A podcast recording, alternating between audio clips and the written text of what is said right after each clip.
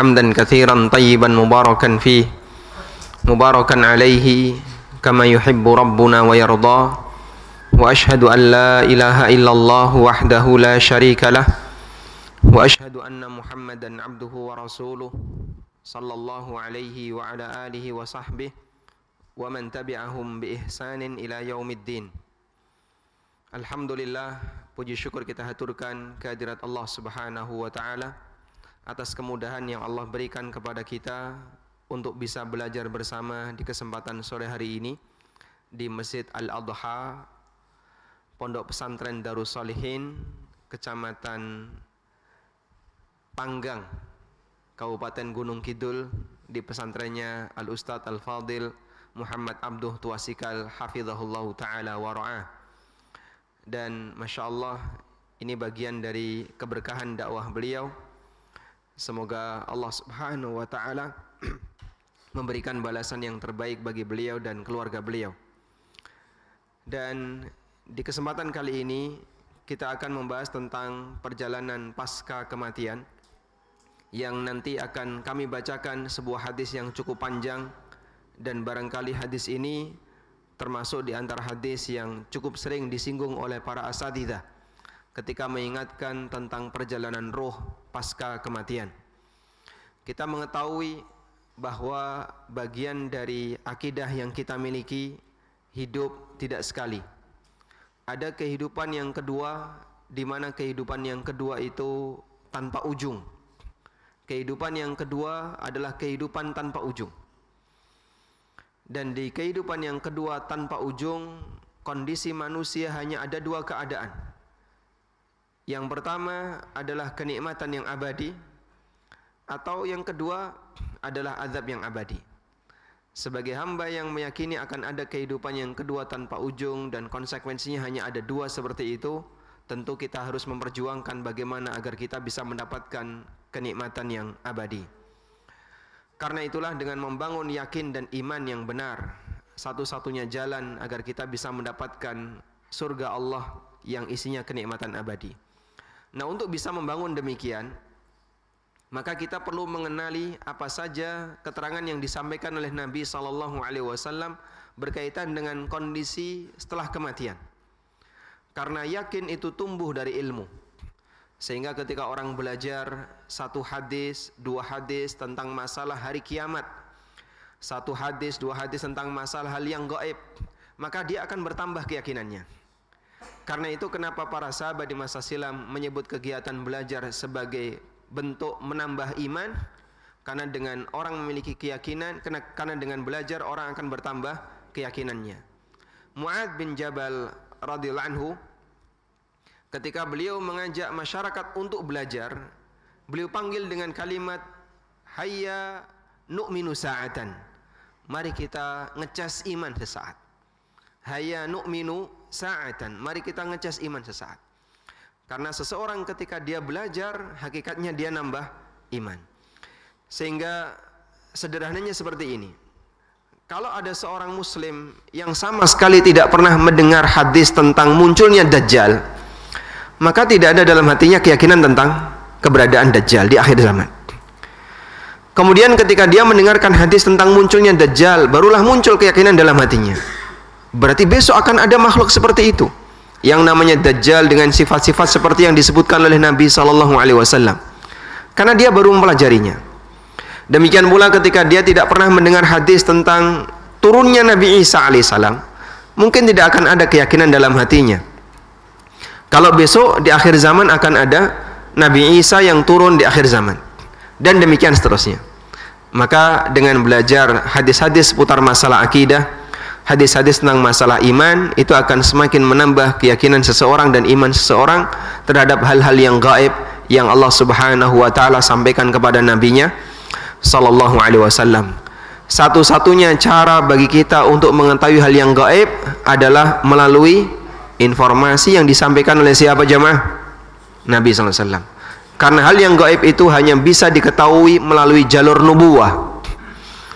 Sedangkan selain para nabi, mereka bisa mengetahui informasi itu dengan mendengarkan sabda-sabda Rasulullah sallallahu alaihi wasallam. Baik. Dan bagian dari sifat orang yang bertakwa adalah alladzina yu'minuna bil ghaibi, yaitu orang-orang yang beriman kepada yang gaib.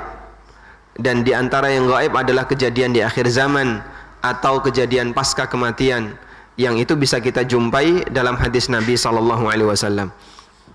Baik, di kesempatan kali ini saya akan bacakan hadis yang disampaikan oleh sahabat Al-Barra bin Azib. Dan hadis ini sahih diriwayatkan oleh Abu Dawud, Imam Ahmad, Waalaikumsalam warahmatullah. Kemudian An-Nasa'i, Ibnu Majah dan yang lainnya. Nabi sallallahu alaihi wasallam menceritakan tentang perjalanan roh. Tapi sebelumnya Al-Barra menyampaikan dalam konteks yang lebih lengkap. Beliau menceritakan Kharajna ma'an Nabi sallallahu alaihi wasallam fi jinazati rajulin minal ansar. Kami pernah berangkat bersama Nabi sallallahu alaihi wasallam mengiringi jenazah salah satu orang Ansar. Fantahaina ilal qabri Kemudian kami tiba di pemakaman, kami tiba di kuburan. Walamma yulhad ketika liang lahatnya sedang dibenahi, fajalasa Rasulullah sallallahu alaihi wasallam mustaqbilal qiblah. Rasulullah sallallahu alaihi wasallam duduk menghadap ke arah kiblat. Apakah jenazahnya sudah dimasukkan jamaah? Belum. Karena kuburannya baru dibenerin. Sehingga ketika jenazah sampai di lokasi, ternyata kuburannya belum siap. Maka ketika kuburannya baru disiapin, Rasulullah Shallallahu Alaihi Wasallam duduk. Ini salah satu di antara dalil bolehnya bolehnya duduk meskipun jenazah belum dimasukkan ke dalam liang lahat. Para ulama memberikan rincian seperti ini. Apa hukum atau apa adab yang lebih tepat bagi para pentakziah ketika dia mengiringi jenazah? Bagaimana dengan hukum duduk dan berdiri ketika itu? Baik. Sebelum jenazah dimasukkan ke dalam liang lahat, maka dianjurkan untuk berdiri. Dianjurkan untuk berdiri. Sebagai bentuk penghormatan kepada jenazah tersebut. Dan ini dipahami dari ketika Nabi Shallallahu Alaihi Wasallam melihat ada jenazah yang lewat, kemudian beliau berdiri sebagai bentuk penghormatan kepada jenazah tersebut. Sehingga disimpulkan ketika jenazah belum dimasukkan ke dalam liang lahat, maka para pentakziah adabnya adalah berdiri. Boleh enggak duduk, Pak? Jawabannya boleh berdasarkan hadis ini. Nabi sallallahu alaihi wasallam ketika beliau mau menyampaikan sebuah tausiah dan jenazahnya belum dimasukkan ke dalam liang lahat, Rasulullah sallallahu alaihi wasallam duduk. Kemudian setelah jenazah dimasukkan ke dalam liang lahat, maka bebas. Berdiri boleh duduk juga boleh. Sebab posisi berdiri itu lebih menghormati daripada duduk dalam situasi seperti ini. Karena itu kalau misalnya ada e, tausiah pasca pemakaman itu yang lebih tepat berdiri ataukah duduk? Jawabannya dua-duanya boleh. Mau berdiri silahkan duduk juga diperbolehkan. Nah Fajalasa Rasulullah sallallahu alaihi wasallam mustaqbilal kiblah. Rasulullah sallallahu alaihi wasallam duduk menghadap ke arah kiblat. Wa jalasna haulahu dan kami pun duduk di sekitar beliau. Wa ka'anna ala ru'usina at-tayr. Seolah-olah di kepala kami ada burung. Saking khusyuknya para sahabat ketika mau mendengarkan tausiah yang disampaikan oleh Nabi sallallahu alaihi wasallam dan khusyuk mereka tentu beda dengan kita ya. Kita mungkin khusyuk tapi merem. Sehingga sampai tidak mendengarkan apa yang disampaikan oleh ustadznya. Tapi sahabat khusyuk digambarkan seperti ada burung yang hinggap di kepalanya karena mau memperhatikan dengan seksama apa yang disampaikan oleh Rasulullah sallallahu alaihi wasallam. Wa fi yadihi 'udun fil ardi dan beliau membawa ranting kemudian beliau tancapkan ke tanah. Faja'ala yanzuru ila sama kemudian beliau melihat ke arah atas. Wa yanzuru ila al-ardi lalu melihat lagi ke bawah. Wa ja'ala yarfa'u basarahu wa yakhfiduhu. Beliau naikkan pandangan matanya kemudian beliau tundukkan lagi. para sahabat menceritakan itu dengan detail. Gerakan-gerakan minor seperti ini sampai mereka sebutkan. Apa makna di balik itu? Wallahu alam. Yang jelas mereka menceritakannya. Makanya tidak ada manusia yang sejarahnya lebih lengkap dibandingkan Nabi Muhammad sallallahu alaihi wasallam. Kita saja, Pak, misalnya. Bapak adalah orang yang membersamai anak Bapak dari mulai lahir, anggaplah misalnya sebelum dia masuk ke pesantren sampai dia usia kelas 1 SMP. Anda kalau saya minta untuk menceritakan tentang kondisi anak Anda selama usia berapa? 12 tahun berarti ya? Atau mungkin selama 11 tahun. Ceritakan anak Bapak selama 11 tahun. Itu nggak jadi satu buku, Pak. Nggak jadi satu buku. Kenapa? Ada banyak kenangan yang hilang. Karena gerakan-gerakan dia kan bagi kita nggak penting ya. Anak Anda lompat, jungkel, geblak itu kan nggak diceritakan.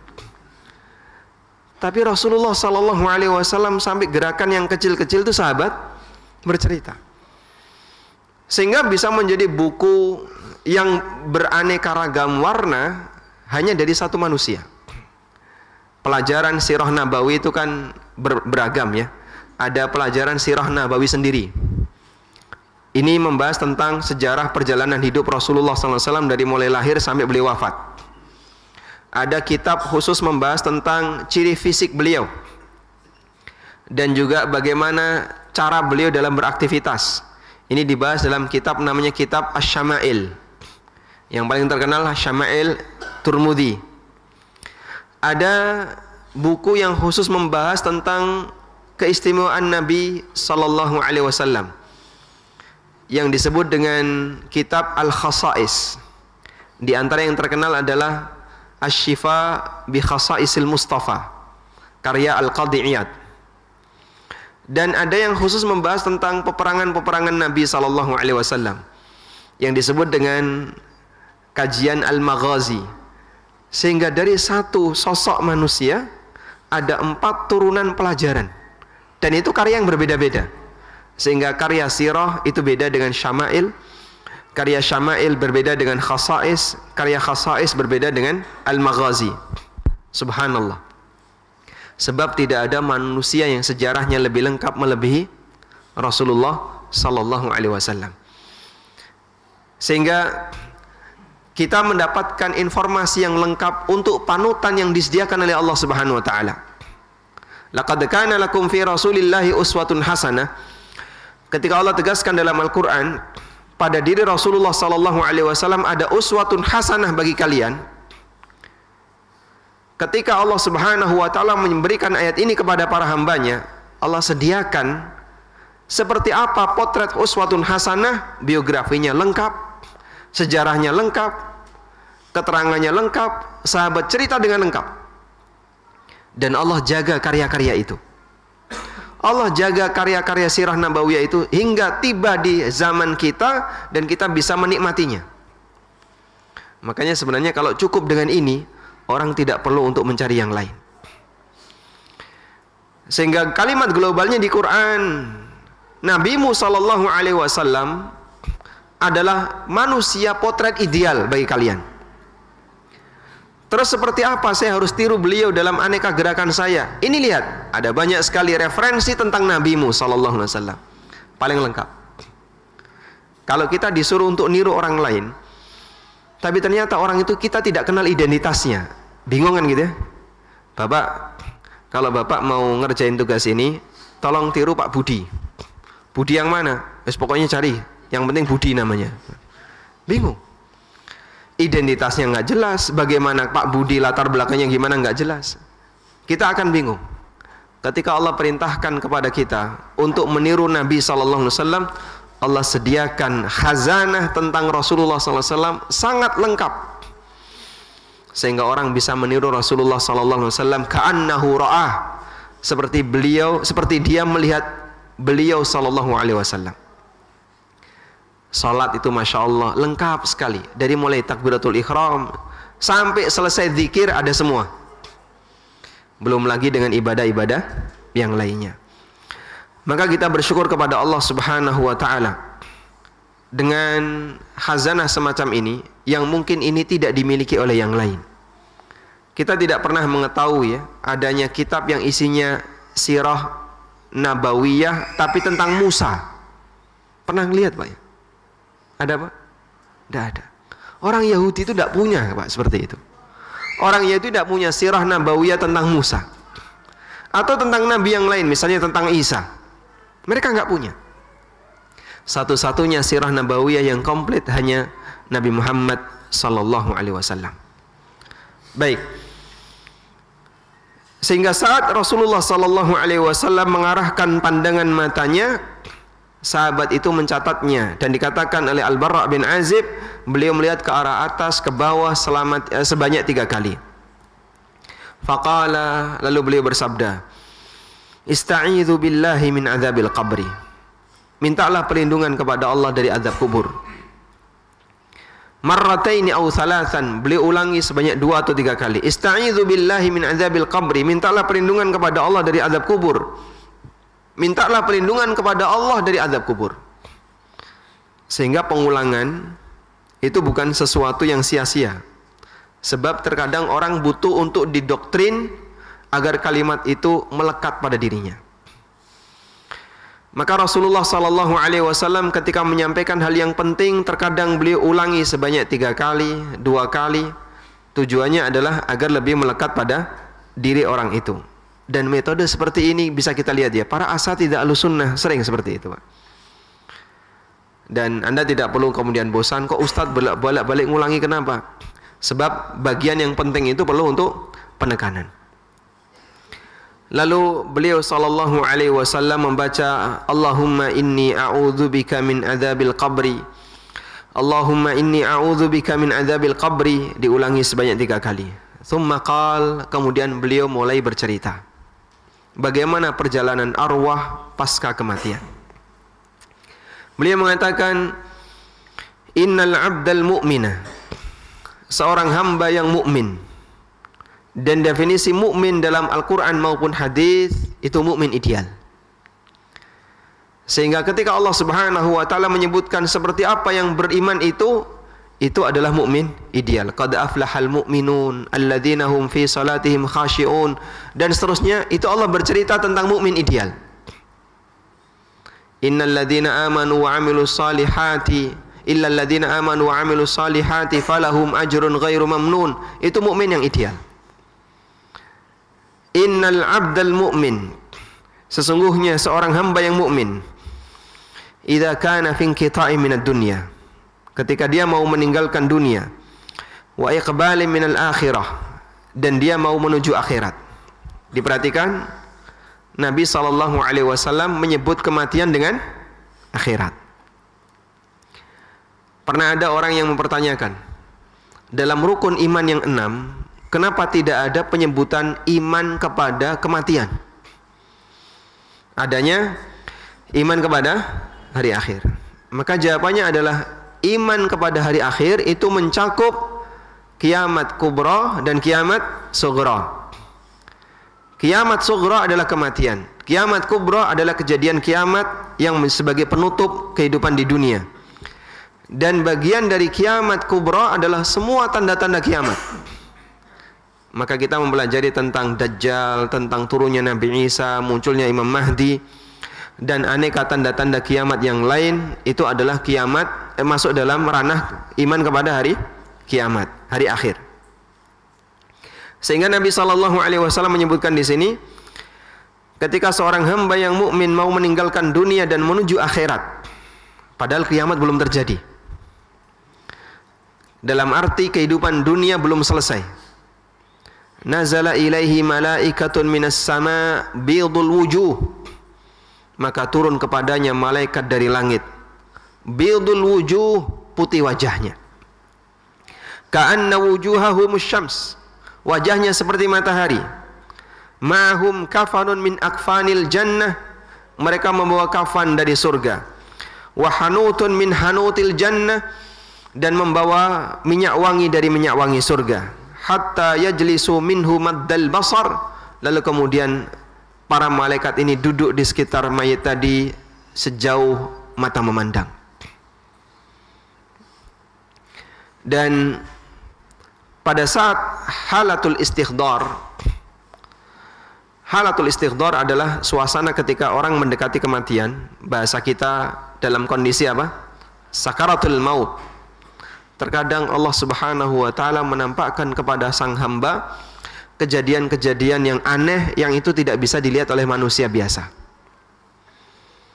Sehingga mendekati dia mau mati, terkadang Allah Subhanahu wa taala tampakkan kepada sang hamba kejadian yang luar biasa yang itu tidak di, bisa dilihat oleh manusia dalam kondisi normal. Sebagaimana keterangan An-Nawawi. Maka kadang pandangan matanya sudah tidak bisa diarah, tidak bisa dikendalikan. Dia menghadap ke arah satu titik, sebelahnya ada istrinya, mungkin ada anaknya, dipanggil-panggil, tapi bapak saja tetap menghadap ke arah titik itu. Mungkin beliau sedang melihat sesuatu. Dan saat ini, mungkin beliau sudah tidak bisa lagi diajak komunikasi.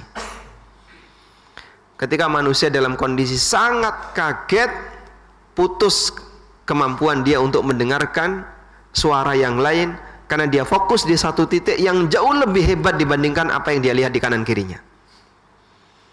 Maka jamaah dimulakan Allah, kalau bukan karena pertolongan Allah ketika itu, mustahil seorang hamba bisa mendapatkan hidayah dari Allah dan bimbingan untuk mengucapkan la ilaha illallah. Kita yang misalnya dalam kondisi sehat seperti ini ya, terus lagi tidur, Ketika lagi tidur Pak, terdengar suara sayup-sayup adzan subuh. Sementara kita berada di hotel, nyaman, adem, ngantuk, pingin tidur. Sayup-sayup adzan subuh. Untuk hanya mengucapkan Alhamdulillahilladzi ahyana ba'da ma'amatana wa ilahin nusyur itu beratnya luar biasa. Mungkin bangun, tapi mengucapkan itu tidak bisa. Terus merem lagi Pak. Merem lagi. Demikian pula ketika malam hari. Nabi SAW menyebutkan di antara zikir yang memiliki nilai keistimewaan yang besar apa? Membaca apa, Pak? La ilaha illallah wahdahu la syarikalah lahul mulku wa lahul hamdu wa huwa ala kulli syai'in qadir subhanallah alhamdulillah wa la ilaha illallah wallahu akbar astaghfirullah Dikir kapan ini? Ketika ngelilir Orang ngeliril, ngelilir suruh mengucapkan la ilaha illallah berat nggak? Berat. Hanya dengan kalimat la ilaha illallah. Padahal dia masih dalam kondisi sehat walafiat. Apalagi kalau tingkat kesadaran manusia sudah turun jauh dalam posisi itu dia mungkin lebih berat lagi untuk bisa mengucapkan la ilaha illallah. Makanya kita sangat butuh bimbingan dari Allah Subhanahu wa taala kalimatut tsabat la ilaha illallah dalam setiap keadaan terutama ketika di penghujung usia. Malaikat yang turun dari langit duduk di sekitar orang ini sejauh mata memandang. Dan ini gaib ya. Apa enggak nabrak tembok pak? Jangan dipikirkan demikian. Karena ini suasana gaib. Hatta thumma yaji'u malakul mauti alaihi salam. Kemudian datanglah malakul maut alaihi salam. Malakul maut namanya siapa? Ya. Siapa nama malakul maut? Malakul maut. Kul yatawaffakum malakul maut alladhi wukila bikum. Katakan wahai Muhammad bahasanya mewafatkan kalian adalah malakul maut yang diwakil yang ditus yang diutus untuk mencabut nyawa kalian.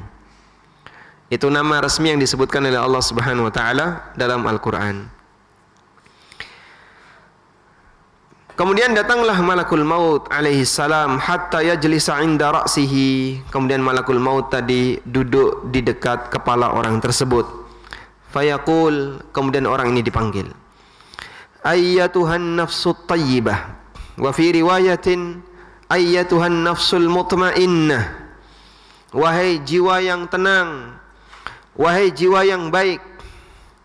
Sehingga jiwa yang baik kondisinya adalah orang yang tenang. Dan sebuah ketenangan itu dimiliki oleh seseorang ketika dia memiliki akidah yang kuat. Orang ketika tidak punya keraguan berkaitan dengan keyakinannya, maka jiwanya akan tenang.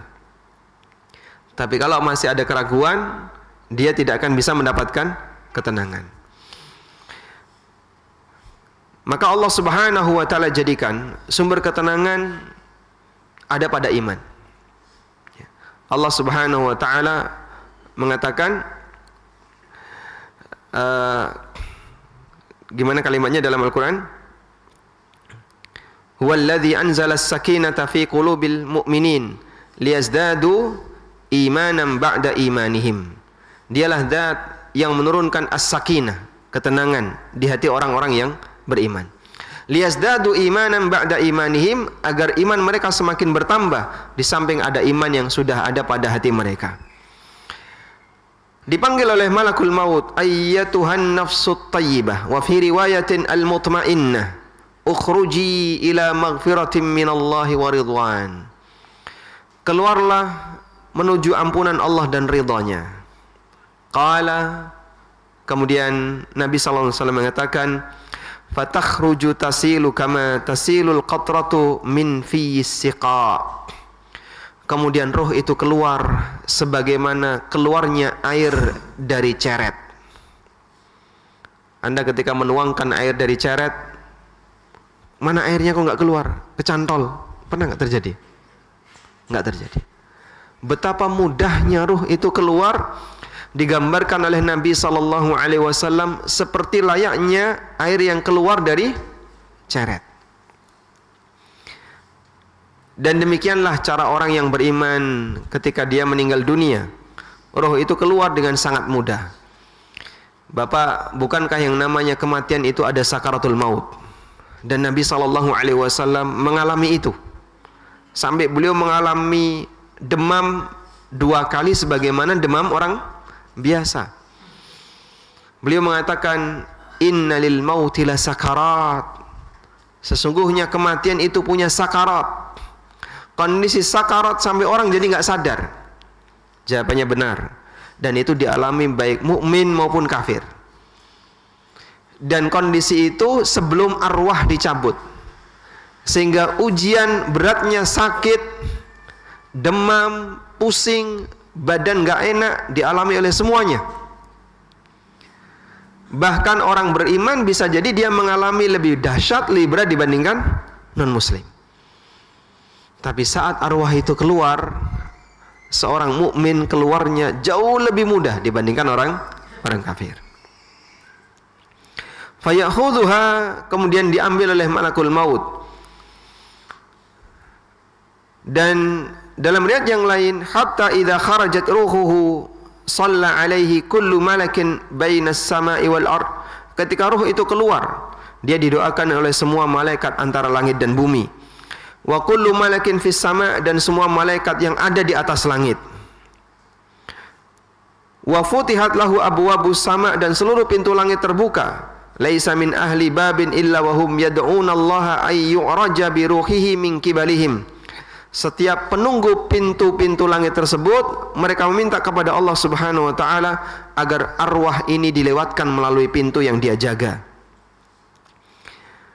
Faida akhadhaha begitu sudah dibawa oleh malakul maut lam yada'uha fi yadihi tarfata ainin tidak dibiarkan oleh para malaikat yang berada di sekitarnya tadi walaupun hanya sekejap hatta ya'khudhuha langsung direbut oleh para malaikat tersebut fayaj'alunahu fi dzalikal kafan. Kemudian dikasih kafan dari surga. Wa fi dzalikal hanut. Dan dikasih minyak wangi dari surga. Fadzalika qauluhu ta'ala. Kemudian Nabi sallallahu alaihi wasallam membaca firman Allah taala tawaffathu rusuluna wa hum la yufarritun. Manusia itu diwafatkan oleh utusan-utusan kami yaitu para malaikat wahum la yufarritun. Dan mereka tidak membiarkannya. Wa yakhruju minha ka'atyabi nafhati miskin wujidat ala wajhil ardi. Keluar dari arwah ini aroma yang sangat harum. Seperti harumnya aroma minyak wangi yang paling harum di muka bumi. Fayas'aduna biha. Kemudian mereka pun naik bersama dengan arwah ini. Fala yamurruna ala mala'in minal malaika. Dan tidaklah para malaikat dan arwah ini melewati seorang malaikat pun illa qalu kecuali mereka akan mengatakan ma hadzal ruhut tayyib ruh siapakah yang indah ini? Ruh siapakah yang baik ini? Fayaqulun mereka menjawab fulan bin fulan dengan nama terbaik yang pernah dia gunakan. Maka kita dianjurkan untuk memberikan gelar dan nama untuk orang yang berada di sekitar kita dengan gelar kehormatan dan nama yang terbaik. Bapak misalnya sudah ngasih nama yang terbaik untuk anak-anak Bapak. Mungkin kemudian Bapak ingin ngasih gelar yang lebih baik lagi boleh dikasih tambahan gelar dan gelar tidak harus masuk di akta. Anda kasih misalnya gelar misalnya uh, apa syekh atau siapa sehingga anak ini punya nama lakop punya nama gelar semoga nanti nama gelar ini akan menjadi panggilan para malaikat ketika arwahnya diangkat menuju langit. Bi ahsani asma'ihi allati kanu yusammunaha fiha yusammunaha biha fid dunya. Dengan nama terbaik yang dulu digunakan oleh masyarakat untuk menyebutnya ketika di dunia. Hatta yantahu biha ila sama'i dunya hingga tibalah arwah ini di langit dunia fayastaftihuna lahu. Kemudian para malaikat yang mengiringinya minta untuk dibukakan pintunya. Fayuftahu lahum kemudian dibukakan. Fayushayyi'una min kulli sama'in muqarribuha. Pintu itu dibukakan kemudian dia naik menuju langit di atasnya. Dan ini dalil bahasanya langit itu ada bangunannya. Langit itu ada bangunannya sebab ada pintu berarti kanan kirinya ada apa Pak? ada bangunan Allah Ta'ala berfirman wa futihatis sama'u fakanat abwaba langit dibuka dan di langit ada pintunya.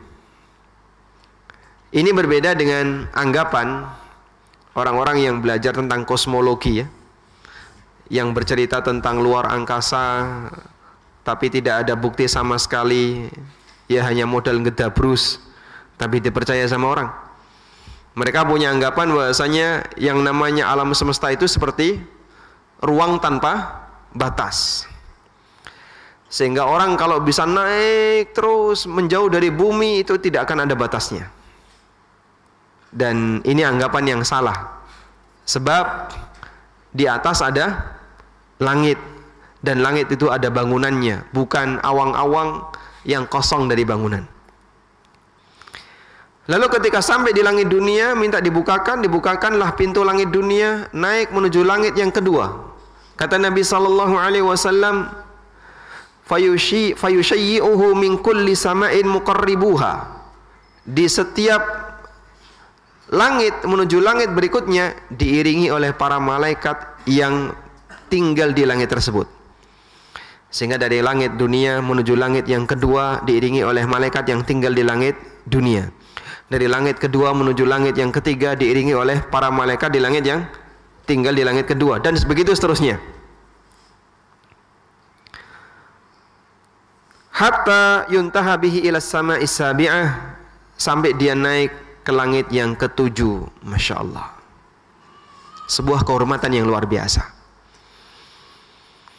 karena begini jamaah kebaikan itu naik sedangkan keburukan tidak bisa naik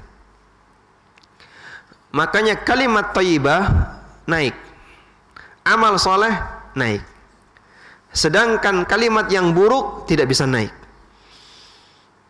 Nabi Wasallam menyebutkan kalimat laknat itu tidak bisa naik. Ketika orang mengeluarkan laknat, laknat itu gentayangan antara langit dan bumi. Naik ke langit, langit menolak. Terus turun ke bumi, bumi menolak. Sehingga dia tidak bisa masuk ke bumi.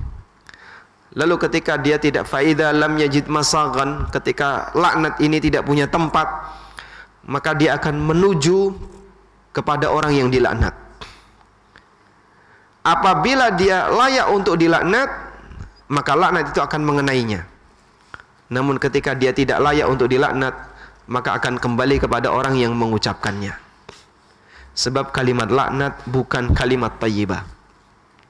Allah Subhanahu wa taala berfirman, "Ilaihi yas'adul kalimut tayyibu wal 'amalus salihu yarfa'u." hanya kepada Allah kalimat tayyibah itu naik dan amal saleh naik menuju Allah Subhanahu wa taala. Sehingga kalimat tayyibah naik menuju Allah, amal soleh naik menuju Allah, arwah pelakunya besok ketika mati juga naik menuju Allah. Dan ini salah satu di antara keistimewaan roh yang baik Allah Subhanahu wa taala jadikan arwah yang baik ini bisa naik menuju Allah Subhanahu wa taala. Fayaqulullahu azza wa jalla. Kemudian Allah Ta'ala berfirman Uktubu kitab abdi fi illiyin. Catatlah Amal hambaku di illiyin. Wa ma adraka ma illiyun? Tahukah kamu apa itu illiyun? Kitabum marqum. Kitab yang tertulis. Yashhaduhul muqarrabun. Yang disaksikan oleh para malaikat muqarrabun Fayuktabu kitabuhu fi illiyin. Akhirnya catatan amalnya ditaruh di illiyin. Catatan amalnya ditaruh di illiyin. Thumma yuqal kemudian dikatakan kepadanya a'iduhu ilal ardi kembalikan arwahnya ke bumi fa inni wa'adtuhum anni minha khalaqtuhum karena aku telah mengambil janji kepada mereka manusia bahwa aku menciptakan mereka dari bumi wa fiha u'iduhum dan ke bumi aku akan kembalikan mereka. Wa minha ukhrijuhum taratan ukhra dan dari bumi akan aku keluarkan kembali mereka untuk sesi yang kedua yaitu ketika hari kebangkitan. Maka pada saat hari kebangkitan jasad manusia itu masih berada di bumi. Dan Allah Subhanahu wa taala katakan dalam Al-Qur'an di surat Az-Zalzalah idza zulzilatil ardu zilzalaha wa akhrajatil ardu athqalaha. Dan bumi mengeluarkan athqal beban beratnya. Yang dimaksud sebagian ahli tafsir adalah keluar mayat-mayat yang sudah dikubur di dalamnya. Dan di dunia ini tempat semua hamba. Di bumi ada jasad manusia yang paling mulia Nabi Muhammad sallallahu alaihi wasallam dan para nabi yang lainnya. Di bumi ada jasad orang-orang saleh, para sahabat Nabi SAW dan para pejuang yang mengiringi mereka. Sebagaimana pula di bumi ada jasadnya Fir'aun, ada jasadnya Abu Jahal, ada jasadnya Abu Lahab, sehingga campur antara orang baik dan orang buruk. Tapi arwah dipisahkan. Sehingga kehidupan yang sejati adalah di posisi yang terpisah. Di situlah ketahuan siapakah yang terbaik, siapakah orang baik dan siapa orang jahat. Kalau fisiknya bisa jadi sama, semua diberi fisik oleh Allah. Tapi kemudian arwah itulah yang membedakan. Arwahnya orang-orang soleh naik menuju langit, sedangkan arwahnya orang jahat tidak bisa naik menuju langit. Di mana Nabi Shallallahu Alaihi Wasallam arwahnya tinggal? Di mana arwah para nabi tinggal, Pak? Di langit. Rasulullah Shallallahu Alaihi Wasallam ketika Mi'raj beliau ketemu di lantai langit di langit nomor sekian ketemu dengan nabi ini langit nomor sekian ketemu dengan nabi ini arwah mereka di di langit. Maka pada saat beliau menjelang wafat kata Aisyah radhiyallahu anha Rasulullah sallallahu alaihi wasallam mengatakan ila rafiqil a'la menuju Ar-Rafiqul A'la. Saya kembali kepada Rafiqul A'la. Yang dimaksud dengan Ar-Rafiqul A'la adalah teman-teman yang mulia. Yaitu para malaikat, arwah para nabi yang berada di mana? Di langit. Dan itu kekhususan bagi para nabi sebab mereka adalah orang-orang yang mendapatkan tempat istimewa di sisi Allah Subhanahu wa taala. Sehingga kalau ada orang yang bertanya, Pak, lebih tinggi mana sih kalimat la ilaha illallah dengan ar-rafiqul a'la? Ini sempat ada pertanyaan yang pernah diajukan di Roja di radio Roja ya. Saya sempat mendengar itu waktu di kendaraan ketika di Jakarta. Tapi itu sudah lama sekali, mungkin waktu itu uh, Ustadz Halim Naro masih hidup. Ya. Jadi Ustadz Armen masih hidup waktu itu, jadi sudah lama sekali ya, mungkin sekitar tahun 2013 atau 2014. Kenapa Nabi Shallallahu Alaihi Wasallam ketika wafat beliau mengucapkan ilar rafiqil a'la? Sementara bukankah beliau bersabda, "Man akhiru kalamihi la ilaha illallah, dakhalal jannah." Siapa yang kalimat terakhirnya la ilaha illallah maka dia masuk surga. Jawabannya adalah kalimat ar-rafiqul a'la itu kekhususan bagi para nabi. Sebab arwah para nabi dijamin oleh Allah berada di mana? Di langit, di atas. Maka kalimat ini tidak boleh diucapkan oleh kita. Sehingga nggak boleh menjelang wafat ar-rafiqul a'la, ar-rafiqul a'la. Siapa yang jamin arwah bapak akan berada di sana? Nggak bisa ya. Maka kita ketika menjelang akhir hayat talqinnya bukan ar-rafiqul a'la. Tapi talqinnya apa? Ucapkan la ilaha illallah. Lakinu mautakum la ilaha illallah. Talqin orang yang mau mati di antara kalian untuk mengucapkan la ilaha illallah. Bukan ditalqin ar-rafiqul a'la. Ayo ucapkan ar-rafiqul a'la. Udah kenapa? Tiru Rasulullah sallallahu alaihi wasallam. Ini salah talqin. Karena ini khusus untuk Nabi untuk para nabi sallallahu alaihi wasallam. Baik.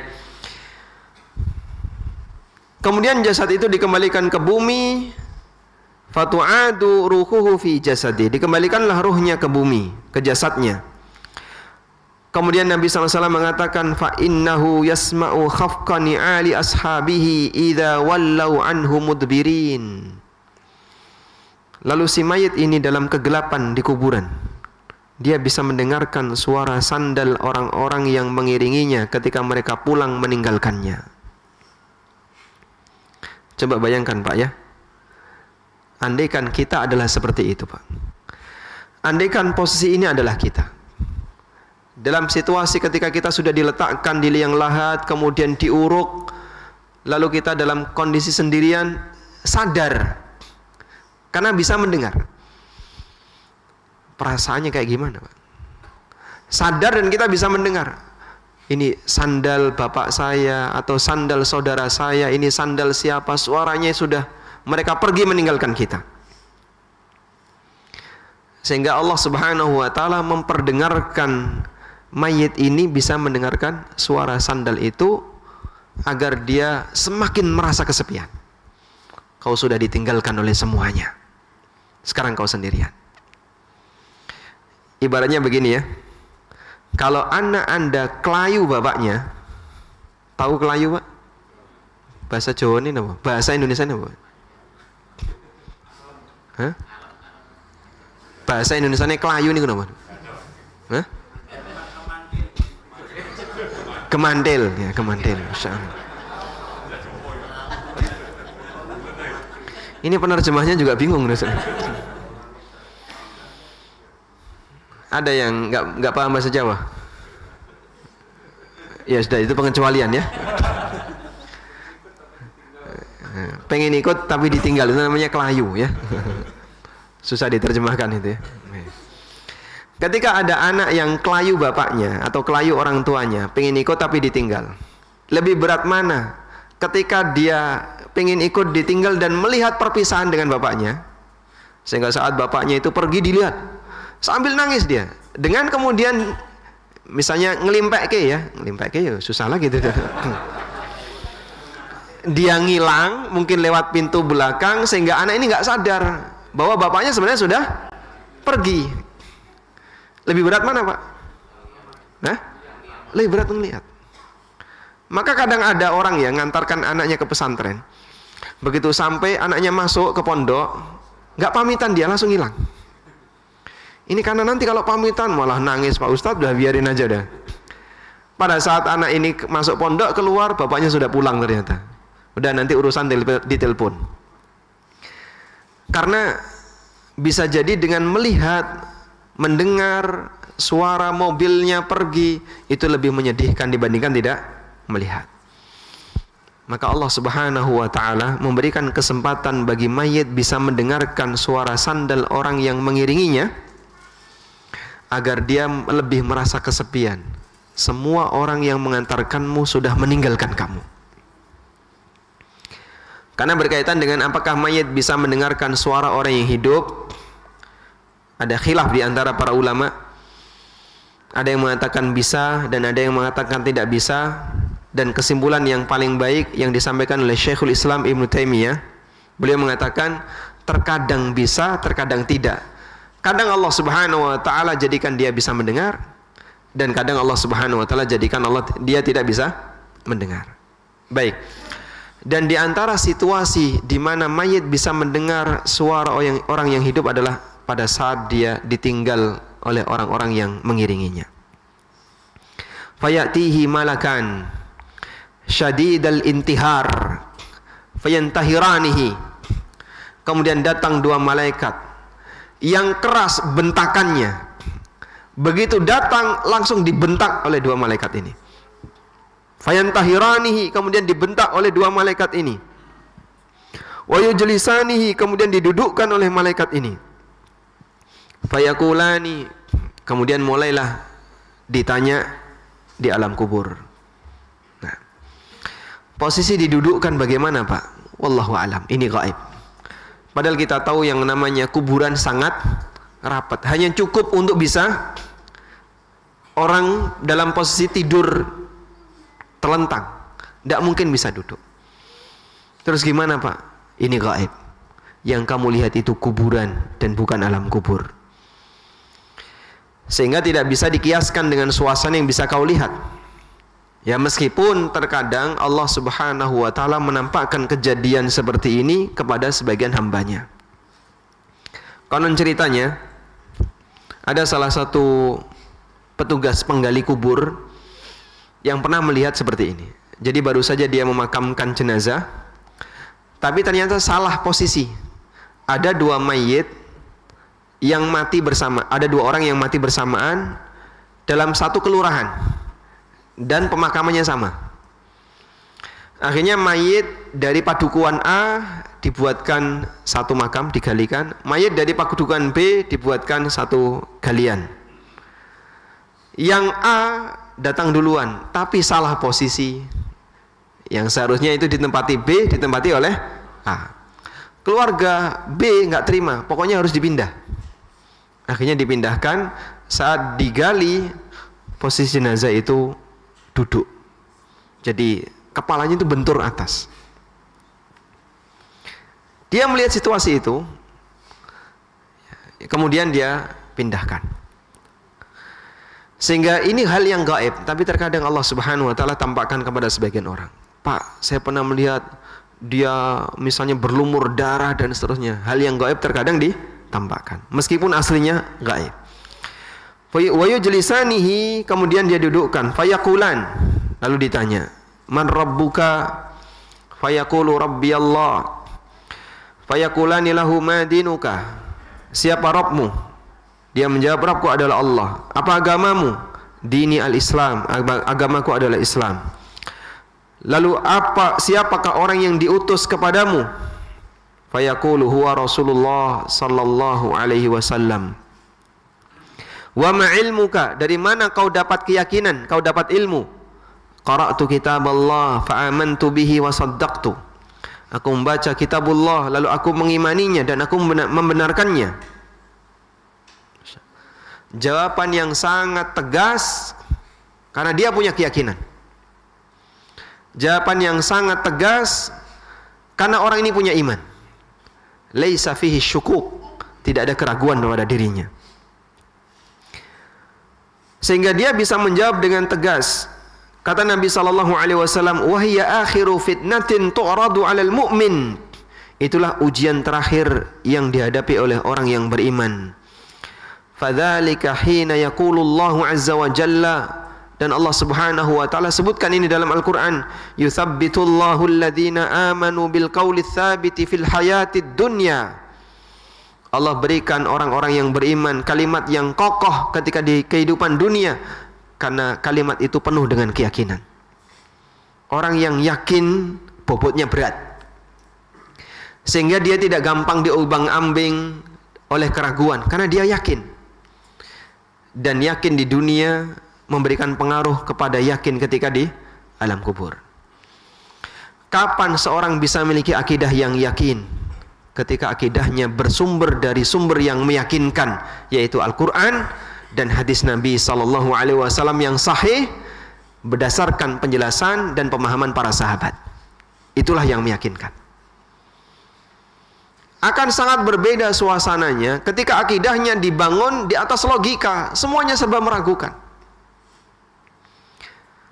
Dan kita bisa lihat ya, tokoh-tokoh kelompok ahlul kalam, Maturidiyah, kemudian Kullabiyah, dan seluruh turunannya, ya, di akhir hayatnya mereka merasakan keraguan.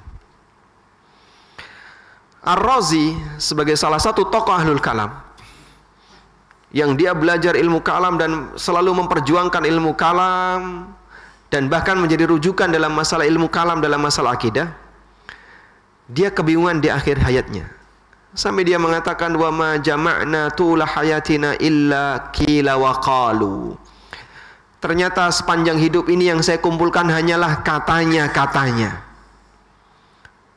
ada sebagian di antara mereka yang mengatakan, Ya laitani ala akidatil awam. Andaikan dulu saya hanya mengikuti akidah masyarakat umum. Yang tidak pusing dalam memikirkan tentang seperti apakah uh, apa membahas tentang takwil arash, takwil Allah berada di atas arash, takwil Allah turun di muka bumi, Allah turun di langit dunia, takwil tentang Allah punya tangan, gak sibuk dengan itu. Orang awam bisa menerima dengan sangat mudah. Padahal mereka sibuk dengan takwil seperti itu, Pak ya.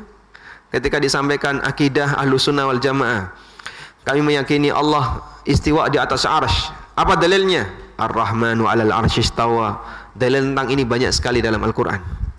Ditakwil. Kalau sudah takwil, main logika. Logika antara satu orang dengan orang yang lain kan beda. Akhirnya konsekuensi ketika tawil adalah kumpulin. Dia ngomong apa? Dia ngomong apa? Dia ngomong apa? Dikumpulin. Wa ma jama'na illa kila wa qal. Dan tidak ada yang kami kumpulkan selain hanya katanya-katanya. Bingungi Pak tuh. Makanya logika tidak bisa jadi sumber akidah. Dan logika akan menolak ketika dijadikan sebagai sumber logika, sebagai sumber akidah logika ketika dijadikan sumber logika tidak logis. Kok bisa, Pak? Karena logika manusia itu berbeda-beda. Logika saya dengan logika Bapak Ibu sama atau beda? Beda. Sehingga kalau di sini ada 30 orang, andaikan kita diminta untuk mencari akidah berdasarkan logika masing-masing, maka akan ada 30 logika. Karena ada logika yang berbeda-beda. Baik. Makanya logika bukan sumber akidah. Dari mana kita bisa mendapatkan akidah? Kita dapat akidah Allah yang ngasih. Sehingga paket akidah itu diberi oleh Allah, bukan proses kita mencari. Ini prinsip penting, Pak. Kita diperintahkan untuk beriman. Kita diperintahkan oleh Allah untuk beriman. Lalu apa yang harus kita imani? Allah sediakan apa saja yang harus kita imani. Bukan kita disuruh untuk nyari. Kamu cari sendirilah apa yang harus kau imani. Tidak bisa Pak. Manusia tidak mampu untuk mencari apa yang harus dia imani. Sebab iman itu paket yang disediakan oleh Allah Subhanahu Wa Taala. Lah terus apa yang harus saya yakini? Kamu golek dewe. Anek golek dewe ya gak karuan nanti jadi. Yang ini ada yang golek yang guwo. Ya. Maka dia nginep neng guwo untuk nyari iman. Ada yang golek ini kuburan ada yang golek yang tepi pantai, ada yang golek yang dhuwur gunung. Hasilnya gimana, Pak? Hasilnya gimana? Gak karuan. Orang yang melakukan suluk dalam torikot-torikot sufia itu nyari iman melalui suluk.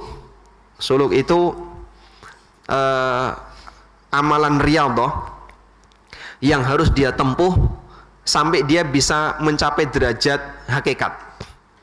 Sehingga ada yang datang ke gua tertentu lalu di gua itu dia beribadah. Sampai akhirnya dia mendapatkan keyakinan tertentu ada yang di kuburan ada yang di tepi pantai ada yang di tepi sungai ada yang di puncak gunung. Bahkan itu kan jadi cerita tentang wali songo. Sehingga saat dia bertaubat ya seperti kisah tentang Sunan Kalijogo. Itu secara logika saja sudah nggak nyambung ya. Pada waktu siapa nama Sunan Kalijogo aslinya Hah? Raden Mas Said ya beliau bertobat karena ganggu Sunan Bonang kemudian setelah tobat diperintahkan oleh Sunan Bonang untuk apa nunggu tongkat ditancapkan tongkatnya dan dia nunggu tongkat di situ. Ini orang tobat kok malah nunggu tongkat. Kita kan bingung. Biasanya sing jengene wong tobat kan diajari ngaji. Kalau dia non muslim ya disuruh baca syahadat. Ini malah suruh jaga tongkat. Dan itu jadi film, Pak. Jadi cerita yang menyebar di mana-mana bahkan difilmkan sehingga masyarakat memahami oh seperti inilah cara yang ketika orang ingin mencapai derajat akidah yang tinggi harus kayak gini. Maka ditiru oleh sebagian orang dengan praktek suluk tadi. Hasilnya beda-beda. Begitu mereka turun, akhirnya mereka punya keyakinan manusia itu bertingkat. Syariat, torekot, kemudian setelah torekot naik hakikat, setelah itu naik makrifat, setelah itu nekat. Udah kalau udah nekat ratau salat isine maksiat. La haula wala quwata illa billah. Allah Subhanahu wa taala akan memberikan keteguhan bagi orang yang beriman ketika akidahnya bersumber dari sesuatu yang pasti yaitu Al-Qur'an dan hadis Nabi sallallahu alaihi wasallam yang sahih. Fayunadi munadin fis sama. Maka ada panggilan yang datang dari langit an sadaqa abdi hambaku benar. Fa afrishuhu minal jannah bentangkan untuknya tempat menuju surga wal bisuhu minal jannah berikan pakaian dari surga dan bukakan untuknya pintu menuju surga akhirnya dia bisa merasakan wanginya surga dan bisa merasakan angin surga wa yufsahu lahu fi qabrihi madda basarihi dan dibentangkan kuburannya sejauh mata memandang. Wa ya'tihi wa fi riwayatin yumatsalu lahu rajulun hasanul wajhi. Kemudian datang orang yang wajahnya indah, wajahnya bagus, wajahnya cakep, pakaiannya bagus, aromanya harum, fayaqul dan dia mengatakan absyir billadhi yasurruka absyir biridwanin minallah. Kabar gembira untuk sesuatu yang akan mengembirakan kamu. Kabar gembira dengan ridho Allah Subhanahu wa taala. Dan surga yang penuh dengan kenikmatan yang abadi hadza yaumuka alladzi kunta tu'ad. Inilah hari yang kau telah dijanjikan akan menemuinya. Maka si mayat ini bertanya wa anta? Fabasyarakallahu bi khairin. Man anta? Anda. Semoga Allah Ta'ala memberikan kebaikan untuk anda. Siapakah anda ini? mayatnya nggak tahu siapa orang ini. Kemudian orang ini mengatakan ana amaluka saleh. Aku adalah amalmu yang saleh. Lalu amalnya memuji orangnya. Amalnya memuji orangnya. Inilah pujian yang berarti dan bernilai pahala. Fawallahi ma alimtuka illa kunta sari'an fi ta'atillah bati'an fi maksiatillah. Demi Allah, Aku melihat Anda itu orang yang cepat ketika berbuat taat, tapi lambat ketika berbuat maksiat. Gercep, sat-set, das-des ketika melakukan ketaatan.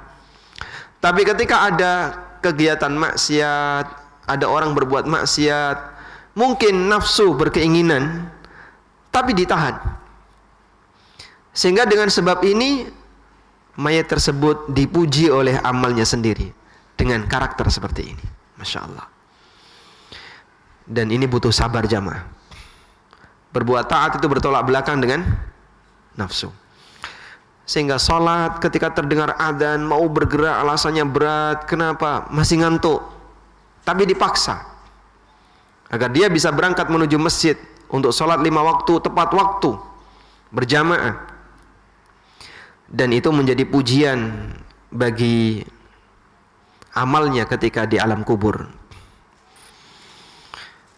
fajazakallahu khairan maka Allah memberikan balasan yang terbaik untuk anda kemudian dibukakanlah pintu menuju surga. Lalu dikatakan kepadanya hadza manziluka.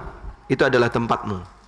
Dan dibukakan pintu menuju neraka. Hadza kemudian dikatakan kepadanya hadza manziluka law asautallah wa abdalakallahu bi hadza. Itu adalah tempatmu kalau kau durhaka kepada Allah neraka itu. Tapi sekarang Allah ganti dengan tempat yang ini yaitu di surga. Faidha ra'a ma fil jannah ketika dia melihat keindahan nikmat surga qal maka dia mengatakan rabbi ajil qiyamas sa'ah kaima arji'u ila ahli wa mali. Ya Allah segerakan kiamat agar aku bisa kembali menemui keluargaku dan mendapatkan hartaku di surga.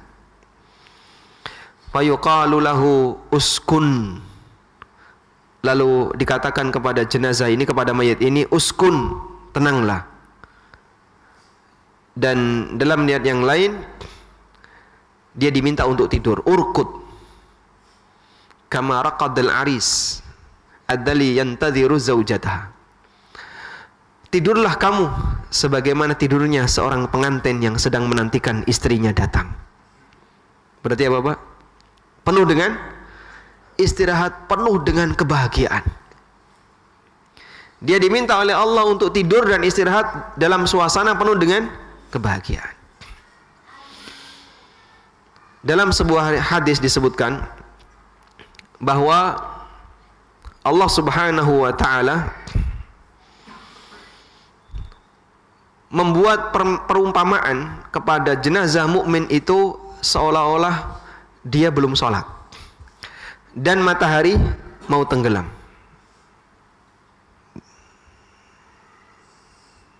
Coba kita bukakan hadisnya.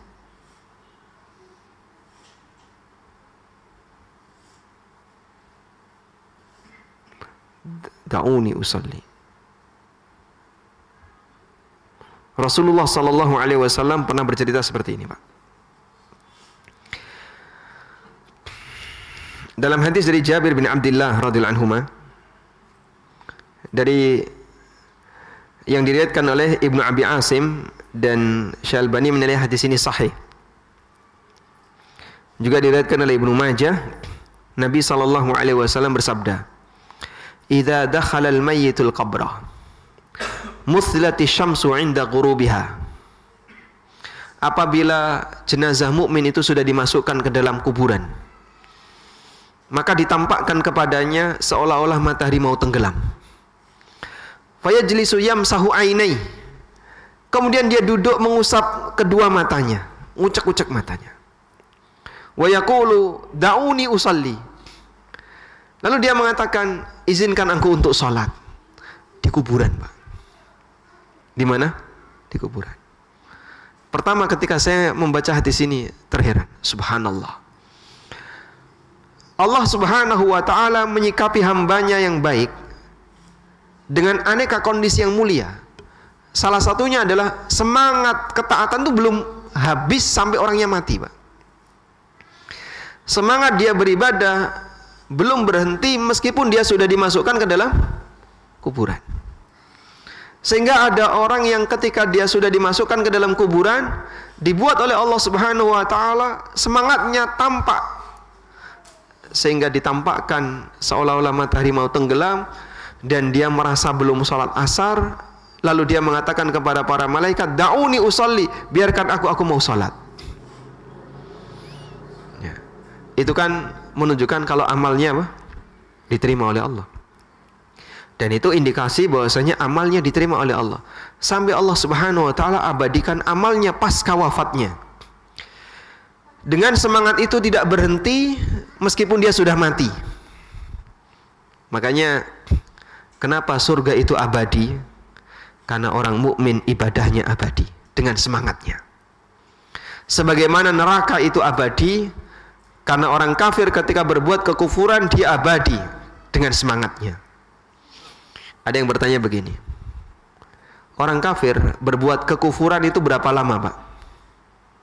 Sesuai usianya. Kalau dia umur 80 tahun berarti dia berbuat kekufuran 80 dipotong 15 sebelum balik.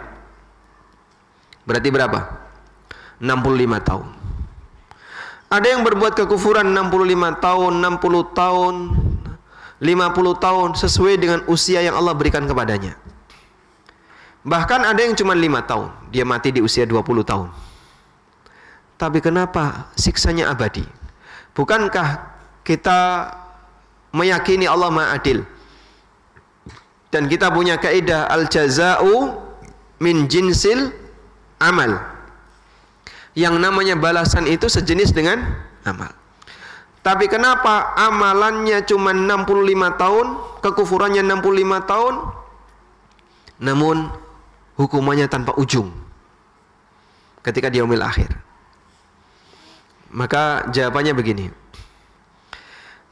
Bedakan antara batas akhir kehidupan dengan batas akhir kekufuran. Kematian orang ini itu bukan batas akhir kekufuran, tapi batas akhir kehidupan. Sehingga seperti ini. Andaikan ada non muslim yang dia diberi oleh Allah usia 80 tahun. Sudah dalam posisi dia kafir 80 tahun. Coba kalau dia dikasih waktu tambahan sehari 80 tahun plus sehari jadi mukmin enggak? Tetap kafir. Sehingga plus satu tetap kafir. Baik, tambahin lagi sepekan. 80 tahun plus satu pekan. Jadi mukmin enggak? Tidak. 80 tahun plus sebulan. Berubah enggak? Tidak. 80 tahun plus tahun. Tetap sama. 80 tahun plus 1000 tahun juga tetap sama. Sehingga dia menjadi kafir, dia berbuat kafir itu tanpa ujung. Sebab semangatnya tanpa ujung. Sementara kematian itu adalah batas akhir kehidupan dia. Sebab nggak mungkin manusia akan abadi. Dia akan mati. Baik mukmin maupun kafir semuanya akan mati. Karena kekufurannya abadi, artinya semangatnya terus berjalan, maka adab yang berlaku bagi dia adalah adab yang abadi. Sebagaimana orang yang beriman dia ketika diberi oleh Allah 80 tahun tutup usia sudah nggak bisa beramal. Andaikan dikasih tambahan waktu 10 tahun dia beribadah nggak? Beribadah. Tambah lagi sekian tahun selama fisiknya masih sehat dia akan beribadah. Imannya tetap melekat pada dirinya. Subhanallah dua hal ini keimanan dan kekufuran dialami oleh hamba ketika di dunia sifatnya abadi. Putus karena kematian jasad tapi semangat tidak putus sehingga hukumannya dan balasannya juga abadi. Kekufuran balasannya abadi sebagaimana balasan ketaatan dan keimanan itu abadi dan salah satu adalah hadis ini yang menunjukkan bahwasanya Allah Subhanahu wa taala menampakkan semangat seorang hamba dalam berbuat taat itu sampai pun ketika dia sudah mati.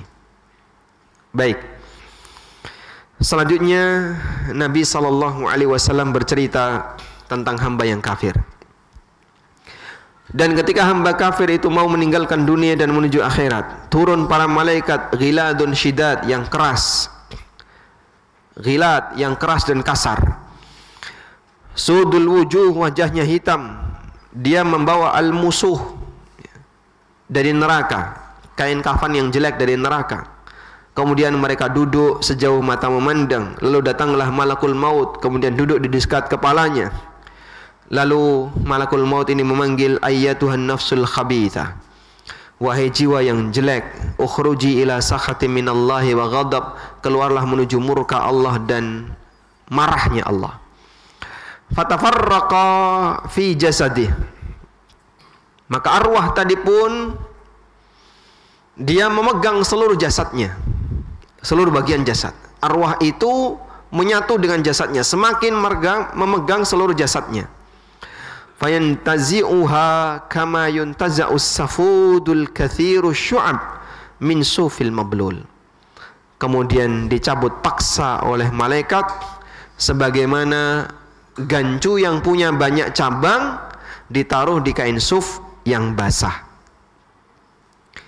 Fataqta'u ma'ahal uruq wal asab. Digambarkan Nabi SAW urat-urat darahnya dan asab asab itu tendon ya.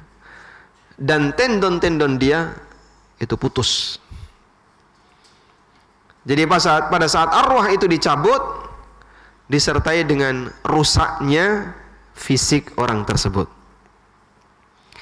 Fayal'anuhu kullu malakin minas sama bainas sama'i wal ard wa kullu malakin fis sama. Kemudian dia dilaknat oleh semua malaikat yang ada di antara langit dan bumi dan semua malaikat yang ada di atas langit dunia. Lalu tertutuplah tertutuplah semua pintu langit. Tidak ada satupun yang menjaga pintu kecuali mereka meminta kepada Allah Allah tu'raja ruhuhu min kibalihim. Jangan sampai arwahnya dinaikkan dari pintu yang mereka jaga. Fayakhudhuha kemudian diambil oleh malakul maut. Kemudian ketika diambil langsung direbut oleh para malaikat yang jumlahnya banyak tadi. Kemudian dikasih kain musuh dan keluarlah aroma yang paling bau seperti baunya bangkai yang pernah ada di muka bumi.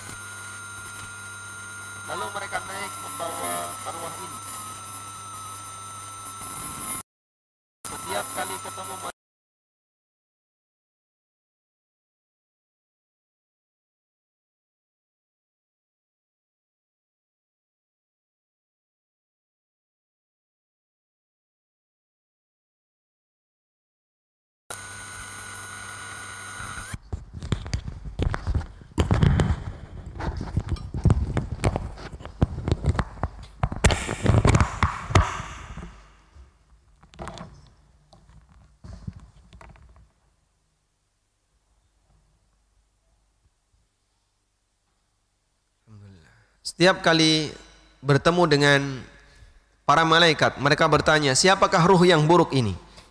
Fayaquluna maka mereka menjawab fulan bin fulan dengan nama yang paling jelek yang pernah dia gunakan ketika di bumi. Sehingga kalau dia pernah dipanggil dengan binatang, maka malaikat ini akan memanggilnya dengan binatang. Hatta yuntaha bihi ila sama'i dunya hingga dia tiba di langit dunia. Ketika dia minta dibukakan, tidak dibukakan untuknya Lalu Rasulullah sallallahu alaihi wasallam bersabda, "La tufattahu lahum abwabus sama wa la yadkhulunal jannah hatta yalijal jamalu fi sammil khiyat." Arwah orang kafir tidak akan dibukakan pintu langit untuknya dan mereka tidak akan masuk surga sampai ada onta yang masuk ke lubang jarum. Mustahil. Sehingga kita bisa lihat jamaah. Tadi arwah orang mukmin yang baik bisa lang bisa naik. Arwah orang kafir dan orang jahat tidak bisa naik. Sebab keburukan itu tidak bernilai sehingga tidak berhak untuk dimuliakan dengan cara dinaikkan. Fayaqulullahu azza wa jalla lalu Allah taala berfirman uktubu kitabahu fi sijjin fil ardi sufla. Catatlah amalnya di sijjin. Apa makna sijjin? Fil ardis sufla di lapisan bumi yang paling bawah. Kemudian dikatakan kepadanya aidu abdi ilal ardi kembalikan hambaku ke bumi karena aku telah menyampaikan kepada mereka dari bumi aku ciptakan mereka dan ke bumi aku akan kembalikan mereka dan dari bumi aku akan keluarkan mereka untuk sesi yang kedua. Terus apa yang dilakukan? Fatutrahu ruhuhu minas sama'i tarha hatta taqa'a fi roh itu pun dibuang sampai tiba di jasadnya. Sehingga roh mukmin dikembalikan ke jasadnya dengan cara diantar, roh non muslim ini dibuang sampai kembali ke jasadnya. Lalu Nabi sallallahu alaihi wasallam membaca firman Allah, "Wa may yusyrik billah fa ka'annama kharra minas sama fatakhtafu at-tayru aw tahwi bihi rihu fi makanin sahiq." Barang siapa yang berbuat syirik kepada Allah, maka dia akan jatuh seolah-olah dia jatuh dari langit lalu disambar burung atau diterpa angin ke tempat yang jauh. Dan itu kejadiannya ketika orang itu mati. Arwah orang kafir tadi dilemparkan dari langit dunia sampai tiba di jasadnya. Lalu setelah dia tiba di jasadnya, dia bisa mendengarkan suara sandal orang-orang yang mengiringinya ketika mereka pergi meninggalkannya. Kemudian datanglah dua malaikat dengan bentakan yang keras. Lalu mereka pun membentaknya. dan mendudukkannya fayakulani lahu lalu mulailah terjadi fitnah kubur yaitu pertanyaan di alam kubur marrabbuka madinuka dan seterusnya coba kita lihat Pak bagaimana jawabannya dia mengatakan ha ha la adri sami'tun nasa yaquluna dzak ha ha saya enggak tahu orang-orang pada mengatakan seperti itu lalu saya ikut-ikutan dan ini kondisi munafik. Dalam riwayat yang lain, haha la adri, haha saya tidak tahu. Dan ini kondisi orang kafir murni. Jadi ada yang menjawab haha la adri dan dia bilang, aku mendengar orang bilang seperti itu lalu aku ikut-ikutan. Aku ikut-ikutan. Jadi dia tidak punya jawaban yang pasti. Baik, perhatikan Pak. Anda kalau ditanya jawab tidak tahu ketika di dunia, dihukum nggak? Bapak saya tanya ya. Baik. Bapak saya tanya, sebutkan syarat-syarat sholat yang jumlahnya ada 12. Saya nggak tahu Pak Ustadz. Baik. Ya sudah nggak tahu ya. Jawaban tidak tahu ketika di dunia itu dimaafkan. Jawaban tidak tahu ketika di alam kubur nggak ada ampun. Sehingga saat orang kafir ini ditanya, Siapakah Robmu? Siapakah orang yang diutus kepadamu? Apa agamamu? Tidak boleh ada jawaban salah dan tidak boleh ada jawaban tidak tahu. Jawaban yang diterima cuma satu, hanya jawaban yang benar. Sehingga saat mereka ditanya, siapakah Robmu? Apakah mereka menyebut nama berhalanya? Apakah mereka menyebut nama Tuhannya? Tidak. Jawaban salah nggak diterima. Nggak berani untuk mereka katakan jawaban yang salah. Tuhan saya si X. Nggak berani. Apa agamamu? Agama saya Y. Nggak berani dia. Padahal dia dulu ketika di dunia punya agama. Bahkan bisa jadi dia tokoh agama itu. Dan dia kenal betul Tuhan yang dia sembah. Bahkan dia punya biografi Tuhannya. Insya Allah. Tuhan ada biografinya Pak. Tapi kenapa kok sampai dia tidak bisa menjawab pada saat ditanya di alam kubur? Karena pertanyaan di alam kubur tidak menerima jawaban salah. Dan tidak menerima jawaban tidak tahu. Sehingga saat dia ditanya, La adri, aku tidak tahu. Maka fayuqal, dikatakan kepadanya, La daraut, la daraita wa la talaut. Kamu enggak tahu dan enggak mau belajar. Dan hadis ini ketika saya bacakan kepada jamaah ketika uh, Jumatan, ini salah satu di antara dalil wajibnya cuma wajibnya belajar. Orang yang tidak belajar sehingga tidak tahu jawaban tidak tahu tidak diterima. Pada saat ilmu itu sudah datang kepadanya, padahal itu bagian dari iman yang wajib untuk dia ketahui. Maka pada waktu orang ini menjawab, saya tidak tahu, dibentak oleh malaikat. Ma daraita wa ma talaut. Kamu nggak tahu dan nggak mau belajar. Masya Allah. Padahal kalau di muka bumi ketika hidup di dunia jawaban seperti ini dihargai. Fayunadi munadin minas sama kadzab. Kemudian terdengar suara dari langit dia berdusta. Fa'afrishu lahu minan nar Fa'afrishu lahu minan nar. Bentangkan untuknya jalan menuju neraka. Bukakan pintu neraka. Kemudian dibukalah pintu neraka dan dia mendapatkan panasnya neraka dan racunnya neraka.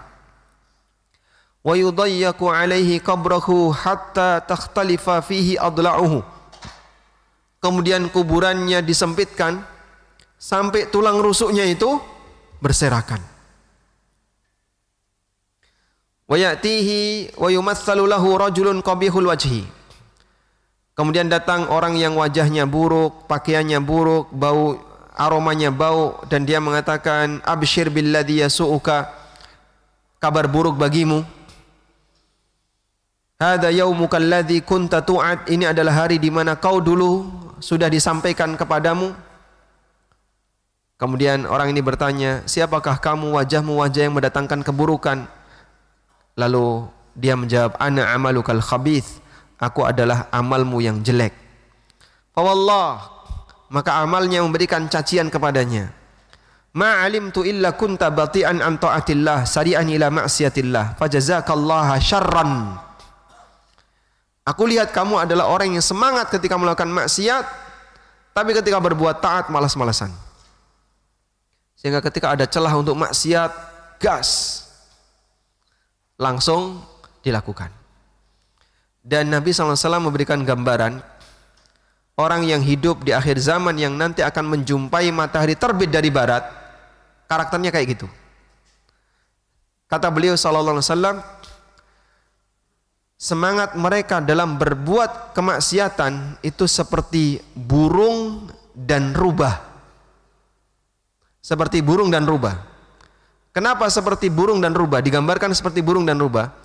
Seperti rubah karena dia cerdas dalam mencari peluang seperti burung cepat ketika menyambar. Sehingga digambarkan oleh Rasulullah SAW dengan dua binatang ini seperti rubah dan burung elang ketika dia mau berbuat maksiat, cerdas mencari peluang, cepat dalam melakukan. Makanya kalau ada orang yang dia selalu berpikir untuk membuat sensasi maksiat yang baru, yang mungkin dulu tidak pernah dikenal terus muncul belakangan baru lagi muncul belakangan itu karakter seperti ini. Ya. kita mungkin dulu tidak pernah mengenal ya aneka pelanggaran-pelanggaran seksual yang dialami oleh masyarakat. Dulu nggak ada kayak gini. Muncul belakangan satu demi satu aneka pelanggaran dalam masalah eh, apa kehormatan pelanggaran dalam masalah harta orang lain jadi sampai yang namanya modus untuk korupsi itu ganti-ganti antara satu periode dengan periode yang lain. Ini nggak boleh dia ngasih celah di sini. Ini susah buat celah baru di sini lagi. Masya Allah. Betapa orang itu sangat aktif dalam mencari celah untuk berbuat maksiat. Kemudian thumma yuqayyadu lahu a'ma asammu abkam fi yadihi mirzabbah. Kemudian dia ditemani oleh makhluk yang buta budek bisu. Dia ditemani oleh makhluk yang buta budek bisu. Nggak bisa diajak ngomong. Kemudian dikode juga nggak paham karena orangnya buta. Dan dia nggak bicara apa pun makhluk itu nunggui mayat yang kafir tadi wa wa fi yadihi mirzabbah dan di tangannya ada perkul ada alat pukul. Lau duriba biha jabalun kana turaba. Andekan dipukulkan ke gunung akan jadi debu. Makhluk yang buta budek dan bisu ini kemudian kemudian memukulkan fayadribuhu darbatan hatta yasira biha turaban. Dipukulkan ke arah mayat ini langsung dia jadi tanah. Thumma yu'iduhu Allahu kama kana. Kemudian dikembalikan kembali oleh Allah Subhanahu wa taala.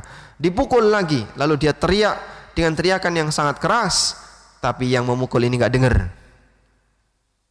Yang mukul ini enggak dengar. Sehingga dia tidak punya rasa kasihan. Wong dia enggak dengar dan dia enggak lihat. Bagaimana nasib yang dipukul dia enggak lihat. Fayasihu sayhatan yasma'uhu kullu syai'in illa thaqalain. Dia teriak dan didengarkan oleh semua makhluk kecuali jin dan manusia. Thumma yuftahu lahu babun minan nar. Kemudian dibukakan untuknya pintu dari neraka. Wa yumahhatu min furushin nar dan dibentangkan menuju neraka fayaqulu rabbi la Dalam suasana dia begitu menyakitkan dihukum di alam kubur, dia minta kepada Allah jangan tegakkan kiamat. Rabbila takumisa karena dia melihat hukuman di neraka jauh lebih dahsyat dibandingkan hukuman yang dia, dia alami di alam di alam kubur. Makanya pada waktu orang kafir dibangkitkan dari alam kubur, mereka mengatakan gimana? Qala man ba'athana? Qalu man ba'athana mim marqadina hadza. Siapakah yang membangunkan kami dari tempat tidur kami? Kok tiba-tiba cepatnya sudah masuk akhirat? Karena dia tidak ingin kiamat itu terjadi sebab dia melihat hukuman di akhirat, hukuman di neraka jauh lebih dahsyat. Wallahu alam. Walhamdulillahi rabbil alamin. Sudah selesai. Cukup insyaallah. Baik, walhamdulillahi rabbil alamin. Kita sudah selesai membacakan satu hadis yang cukup panjang. Dan mungkin karena kita sendiri dan termasuk saya adalah orang yang banyak apa ya bersinggungan dengan kenikmatan dunia sehingga membaca hadis seperti ini suasana batin kita masih terasa biasa dan dulu ada dalam sebuah majelis ada orang yang mendengarkan hadis ini dibacakan dia pingsan. Lalu dibawa pulang. Tiga hari orangnya mati. Saking takutnya ketika mendengar pertama kali hadis seperti ini. Dan kita memohon kepada Allah Subhanahu wa taala semoga Allah Subhanahu wa taala memberikan kepada kita iman yang kuat dan keyakinan yang kuat baik di dunia maupun ketika kita menghadap Allah Subhanahu wa taala untuk bisa menjawab pertanyaan para malaikat di alam kubur. Wassallallahu ala nabiyyina Muhammadin wa ala alihi wa sahbihi wasallam. Moga para jamaah yang mungkin ada pertanyaan bisa bertanya langsung.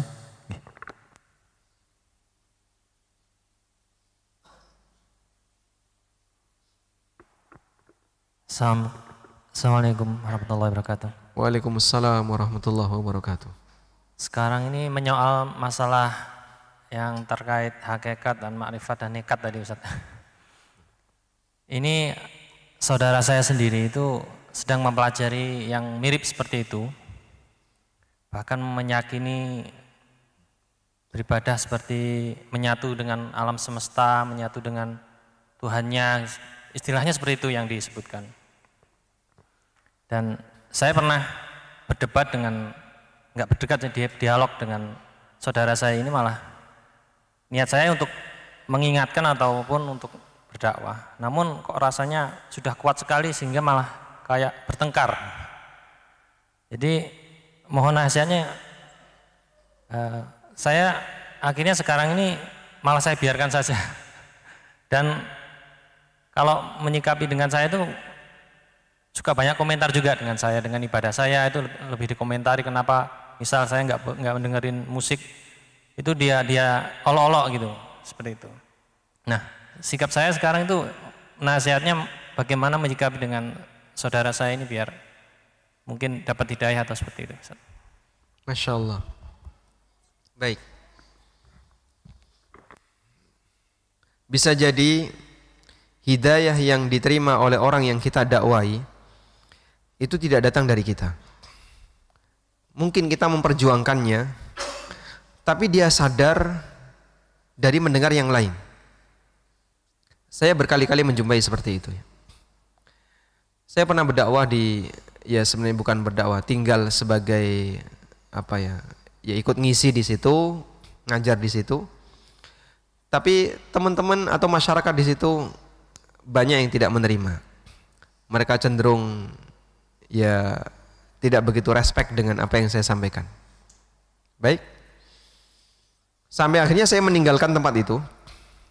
Kemudian setelah sekian tahun berikutnya, Orang yang dulu dengan saya sinis, gak suka, dan beberapa orang yang dulu menghindar, Alhamdulillah sekarang jadi panitia kajian di tempat itu. Dia sudah mengenal sunnah dengan baik, kemudian dekat dengan masjid, dan akrab dengan kajian, bahkan jadi panitia kajian. Alhamdulillah, mungkin hidayah tidak Allah berikan melalui kami, Allah berikan melalui yang lain. Ya meskipun dulu kita berinteraksi saat kesempatan khutbah Jumat, beberapa orang itu ada dan dia mendengarkan. Tapi selesai itu mungkin kerendengan di belakang, nggak terima ya. Saat ketika uh, kajian warga, mereka mendengarkan, tapi mereka tidak menerima. Alhamdulillah kemudian sekian tahun mereka menerima. Maka bisa jadi dakwah yang kita sampaikan pada waktu kita sampaikan dia belum menerima. Sehingga hidayah tidak hinggap pada dirinya tepat pada saat kita menyampaikannya. Tapi dia dapat hidayah dari jalur yang lain. Orang Taif sampai akhir dari perjuangan dakwah Nabi SAW, mereka masih kafir. Sehingga yang dulu Rasulullah SAW mengharapkan imannya dengan beliau tinggalkan Mekah lalu berangkat menuju Taif tanpa kendaraan. Terus saya bayangkan ya, waktu pertama kali ke Taif, masya Allah kok jalannya naik kayak gini kan. Taif kan berapa ribu di atas permukaan laut ya. Masya Allah. Dulu Rasulullah SAW jalan kaki ditemani oleh siapa pak? Eh? Zaid. Zaid bin Haritha. Ditemani oleh Zaid bin Haritha. Kenapa beliau tidak menggunakan kendaraan? Agar masyarakat tidak menyangka beliau telah hijrah meninggalkan kota Mekah. Sehingga beliau jalan kaki tanpa kendaraan. Sehingga dalam posisi itu beliau tidak menunjukkan menyerah untuk berdakwah kepada orang musyrikin Mekah. Akhirnya ketika beliau berdakwah dengan uh, kepada masyarakat Taif, mereka menolak dengan kejadian yang seperti kita baca dalam sirah Nabawiyah. Lalu Taif kapan masuk Islam? Belakangan. Dan masuk Islamnya pun melalui proses penaklukan perang. Perang Taif ya. Sehingga bukan melalui proses menyampaikan hujah lalu diterima baik-baik. Dan itu belakangan. Karena itu jamaah yang Allah Subhanahu wa taala dalam posisi ini ketika kita berdakwah dan kemudian kita tidak diterima, barangkali beberapa cerita tadi bisa menjadi penyemangat bagi kita. Ada orang lain yang mungkin dakwahnya juga tidak diterima dan ada sebagian orang yang ketika dia mendengar dakwah Nabi sampai nabinya meninggal dia belum masuk Islam. Sampai nabinya meninggal dia belum masuk Islam. Beberapa orang yang dulu memusuhi Rasulullah SAW terus minggat pergi masuk Islamnya setelah itu setelah Nabi SAW wafat baru dia masuk Islam. Akhirnya dia tidak terhitung sebagai sahabat. Karena masuk Islamnya pasca wafatnya Nabi Shallallahu Alaihi Wasallam seperti di zaman Abu Bakar dan seterusnya. Bapak terus jaga untuk diskusi dengan dia meskipun ya bikin sakit hati juga kan ya Kadang Anda harus debat, ngelatinin orang kayak gini, apalagi dia juga komentar-komentar miring dengan kita. Dan alasan-alasan uh, yang kita sampaikan pasti nanti dia juga akan mempertahankan sebab orang yang punya akidah dia akan berusaha untuk mempertahankan akidahnya. Baik. Nanti begini saran saya, kalau ada pernyataan apa dari dia yang mungkin Anda kesulitan untuk memberikan counter dan jawaban, Anda konsultasikan ke ustadz yang bisa ngasih jawaban. Wallahu alam. Nah. Silakan jika ada pertanyaan lagi, monggo.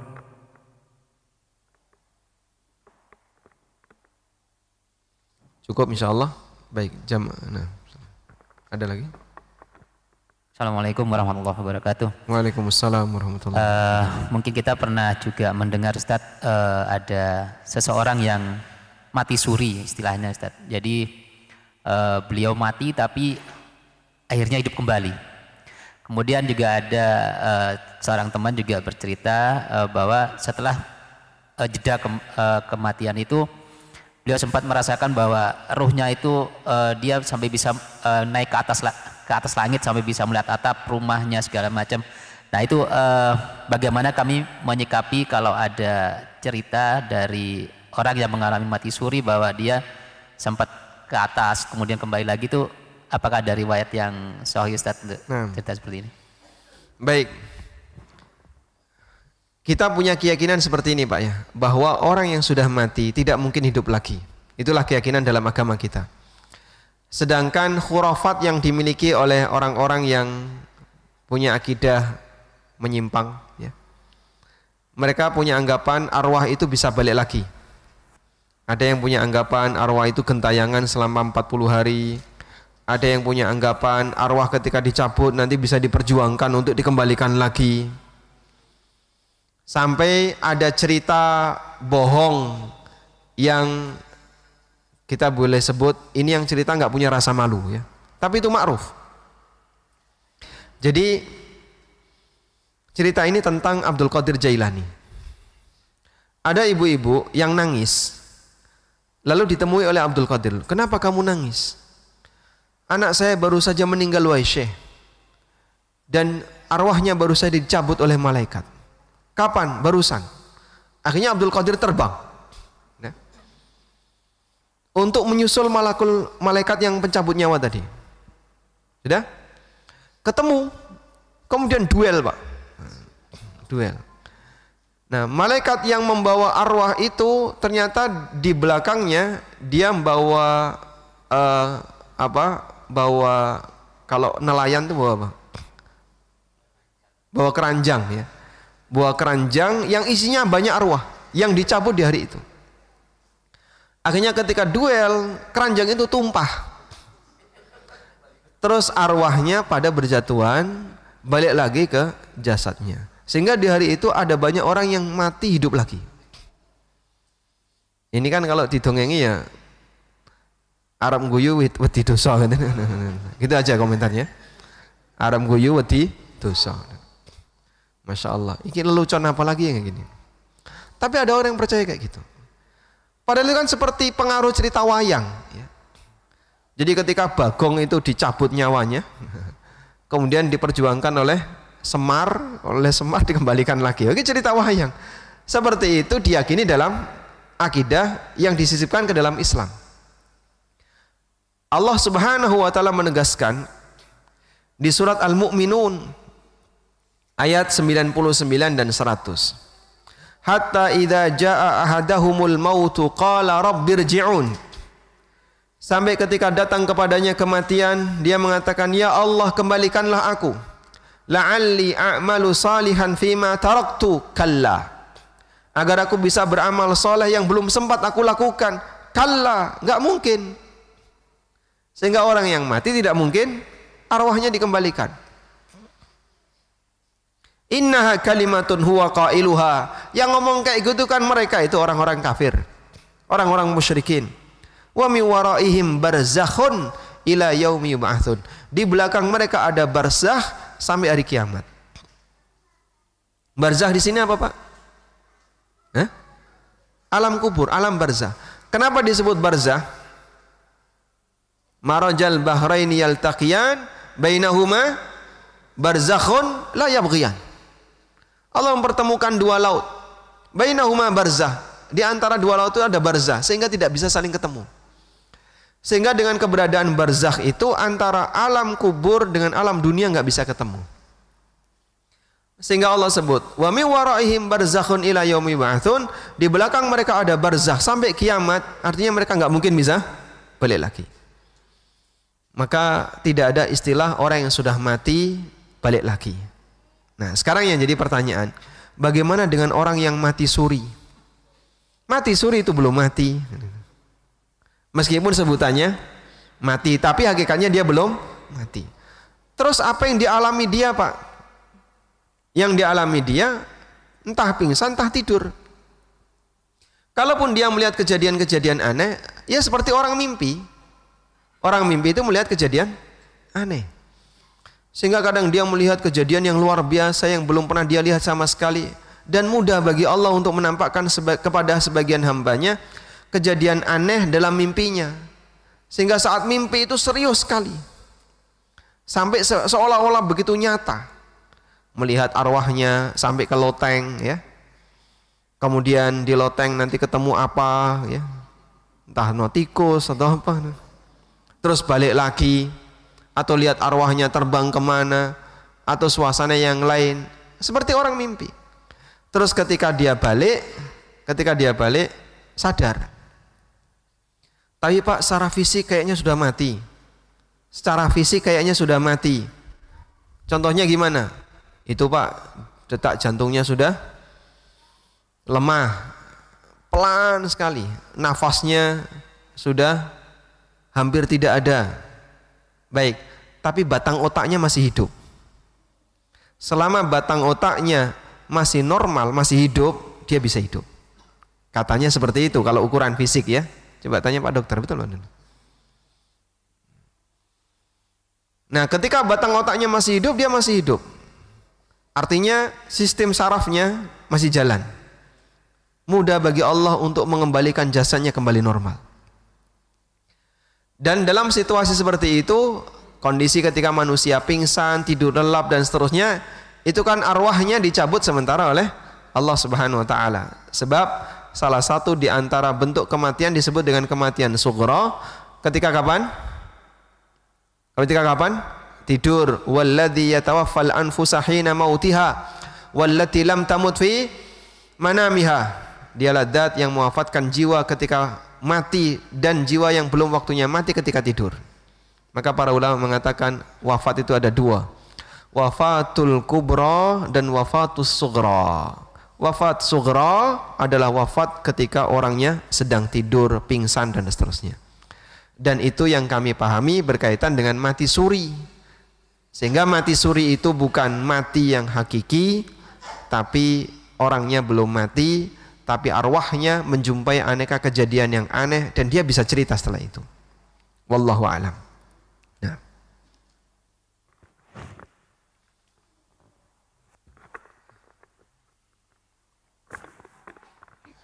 Dari kertas Ustadz. Ya. Bismillah, Assalamualaikum warahmatullahi wabarakatuh Ustadz. Waalaikumsalam warahmatullahi Semoga Allah memberkahi Ustadz sekeluarga dan semua jamaah. Ustadz, Ana mau tanya mana yang lebih baik kondisi seperti hari ini tadi. Kita sampai di homestay jam 1 siang, masih ada waktu zuhur.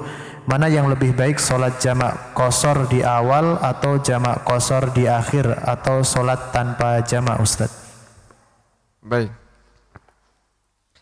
Kalau Anda bertanya bagi musafir, mana yang lebih baik jamak takdim ataukah jamak takhir jawabannya menyesuaikan kebutuhan. Sehingga ketika musafir mendapatkan rukhsah untuk menjamak maka kapan waktu dia menjamak kembali kepada kebutuhan. Mana yang paling nyaman bagi dia? Karena dua-duanya rukhsah. Mau takhir mau takdim silahkan. Dua-duanya rukhsah. Sehingga kalau menurut dia takdim lebih mudah silahkan takdim. Sebaliknya kalau menurut dia takhir lebih gampang silahkan takhir menyesuaikan apa yang paling mudah bagi dia. Wallahu a'lam. Surabaya sudah maghrib? Surabaya sudah ya? Baik. Ini ada pertanyaan. Assalamualaikum warahmatullahi wabarakatuh. Waalaikumsalam warahmatullahi wabarakatuh.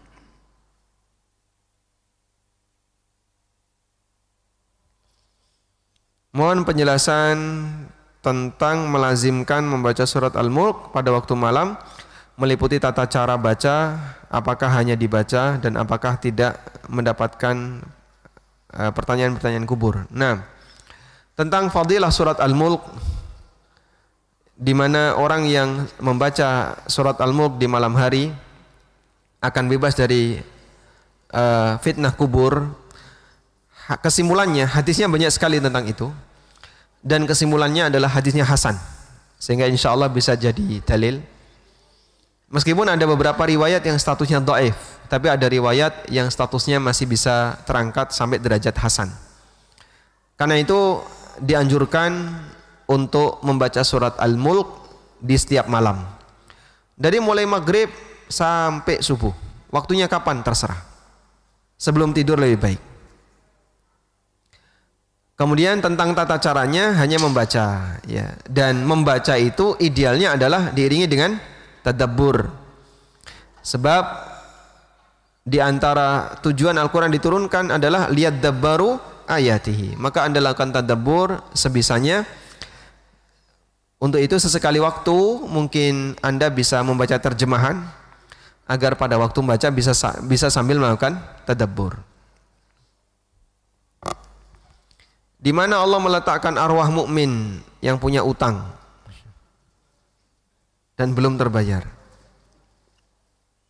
Wallahu alam kalau kaitannya dengan utang saya tidak tahu ya. Tapi kalau penjelasan mengenai arwah mukmin, arwah mukmin berada di burung-burung di surga. Arwah syuhada di tembolok burung-burung hijau, sedangkan arwah mukmin ada di tembolok burung-burung yang lain. Arwah syuhada bertengger di bawah arsh, Sedangkan arwah mukmin burung-burung tadi bertengger di pepohonan yang ada di surga. Bolehkah zakat kita berikan kepada ahli waris yang menanggung utang orang tua yang sudah meninggal. Keterangan ahli waris sama dengan fukara masakin. Mungkin yang dimaksud adalah saudara ya, yang masih menjadi ahli waris dari orang tua kita. Zakat diberikan ke saudara boleh karena saudara tidak wajib kita nafkahi. Sehingga nggak masalah Anda berikan zakat ke kakak atau adik. Wallahu alam. Baik, walhamdulillahirabbil alamin. Demikian yang bisa kita bahas di kesempatan kali ini. Semoga Allah taala memberkahi apa yang kita pelajari. Allahumma anfa'na bima 'allamtana wa 'allimna ma yanfa'una warzuqna ilma. Allahumma inna nas'alukal huda wat tuqa wal afafa wal ghina. Allahumma zayyinna bizinatil iman waj'alna hudatan muhtadin wa sallallahu ala nabiyyina Muhammadin wa ala alihi wa sahbihi wa sallam.